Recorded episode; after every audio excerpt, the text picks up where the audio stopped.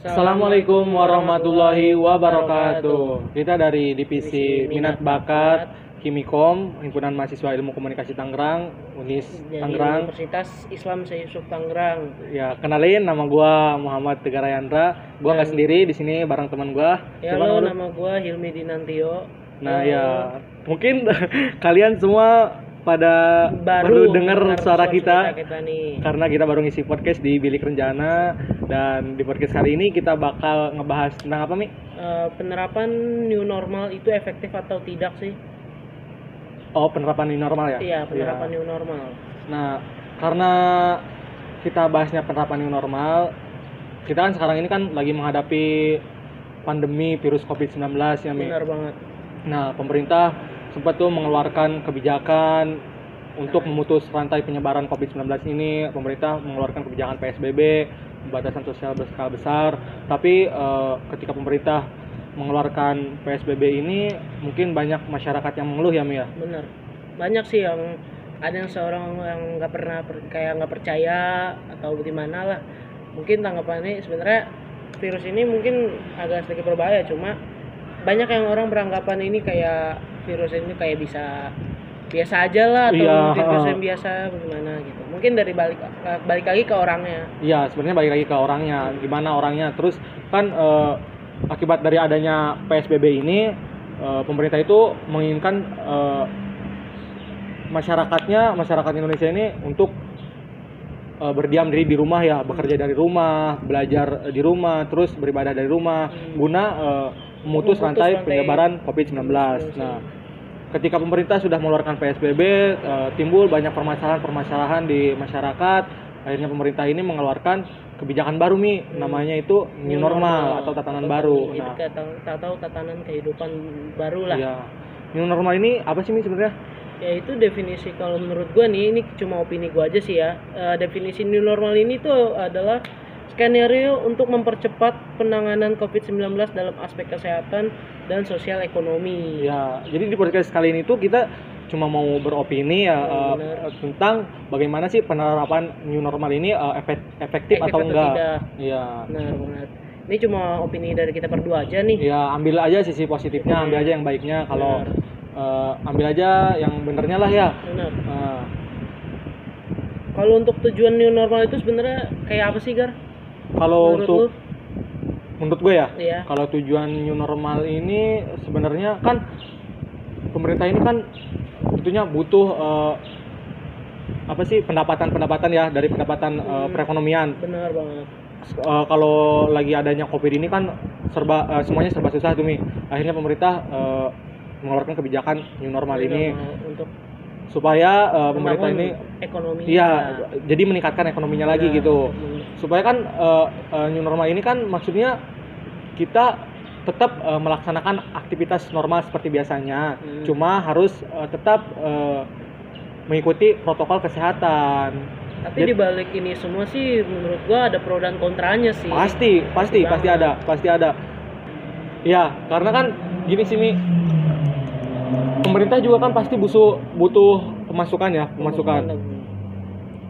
Kan eh, sebelumnya dari akibat dari pandemi COVID-19 ini kan banyak tuh eh, karyawan-karyawan dari perusahaan atau di pabrik-pabrik banyak yang di PHK. Hmm. Nah, eh, akhirnya pemerintah kan mengeluarkan new normal untuk melaksanakan aktivitas seperti biasanya lagi. Tapi dengan menggunakan protokol kesehatan balik lagi. Iya, protokol kesehatan. Nah, sebelum ke situ nih, sebelum men- membahas lebih jauh eh, penerapan new normal, protokol kesehatan itu kan ada banyak nih, Ada nih. banyak nih apa sekarang. apa aja sih yang lu tahu tentang protokol kesehatan? Kalau untuk protokol kesehatan itu mungkin kalau pendapat dari gua kayak kalau kalian semua eh, keluar untuk beraktivitas di luar rumah mungkin sedia hand sanitizer, pakai masker. pakai masker itu utama banget sih untuk Iya. pencegahan, pencegahan Iya. pertama lah kalau bisa dibilangnya untuk Selanjutnya mencegah penularan lah. Iya, selanjutnya juga kan eh, kita harus walaupun kita udah pakai masker, kita juga harus jaga jarak nih. Benar banget ya. Social distancing juga harus berlaku sih untuk Iya.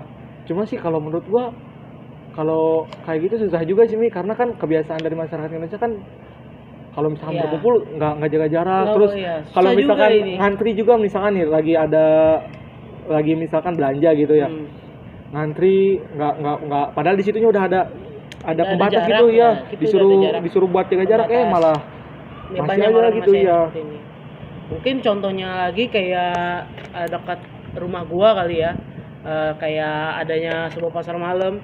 Dulu se- sebelum adanya PSBB ini, wah ini kacau banget sih kalau gua bilang. Kenapa? Pasar malam ini kalau bisa dibilang tuh gimana ya? Kumpul tuh orang banyak banget sampai akhirnya ditin- ditindaklanjuti oleh polisi eh, pihak yang berwajib. Iya Mi, karena menurut gua pasar malam ini kan bebas gitu. Dia Iya. nggak ada nggak ada penja- namanya pen- penjaga gitu kan. Kalau misalnya kita di mall mungkin di mall. Di mall ini kan ada yang namanya satpam. Satpam. kita misalkan eh, kita harus mengikuti dong aturan-aturan yang ada di mall walaupun kita kan belanja ya kita kan sebagai pembelanja nih yang mau belanja tapi kan kita harus mengikuti aturan yang ada di mall tersebut dong Benar, benar. buat masuk kalau kita misalnya nggak mengikuti kita bisa diusir dong sama satpamnya kan Benar, sedangkan kalau di pasar malam kan itu bebas nih jadi Iya. banyak banget tuh masyarakat yang acuh gitu ya Benar. sama menjaga jarak ya Hmm. Tak kalau takutnya kalau mungkin bilang kita nggak punya dari virus atau bagaimana kita balik lagi sih takutnya Eh, sekarang kita mungkin insecure sama Iya. sekitar kita walaupun kita sebenarnya kita kenal banget nih sama teman-teman kita nih udah klop banget cuma dengan adanya seperti kayak gini tuh kita Jadi merasa nggak enak, iya, iya. kita harus lebih waspada lagi dengan jadi menimbulkan nggak enakan di dalam tongkrongan bener benar sih Mi? benar banget Iya. jadi kita mau salaman aja Iya. gi- dicanggung gitu Canggung, iya.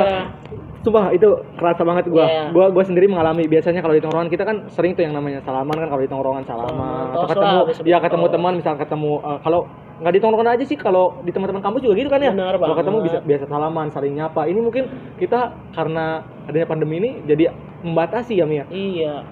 Karena untuk mencegah Iya. untuk penularan virus iya, ini, gitu ini loh. harus dicegah gitu penularan virus ini harus dicegah gitu lagi-lagi untuk dicegah aduh nah penerapan new normal ini ya menurut lu ada nggak sih eh, dampak dari penerapan new normal ini? Eh, penerapan dari dampaknya mungkin ya gimana ya? Eh, kayak mungkin kayak kedai-kedai kopi mungkin ya semua mungkin bukan kedai kopi aja sih maksud gua maksudnya kayak seluruh kayak toko-toko harus mengguna menyediakan hand sanitizer sebelum menge- apa? Iya benar benar benar. Menyediakan hand sanitizer lah. Dia jadi eh, toko-toko itu menye- menyediakan hand sanitizer di luar ya supaya nanti kalau misalkan ada yang mau masuk eh, diutamakan harus cuci tangan dulu. Cuci tangan nah atau menggunakan sanitizer lah. Tapi ribet juga tuh Mi. Maksudnya Iya. kita ini baru cuma kayak kita awal kayak nggak nyaman sih sebenarnya. Iya jadi kayak terbatas gitu kita mau Iya. ngapa-ngapainnya.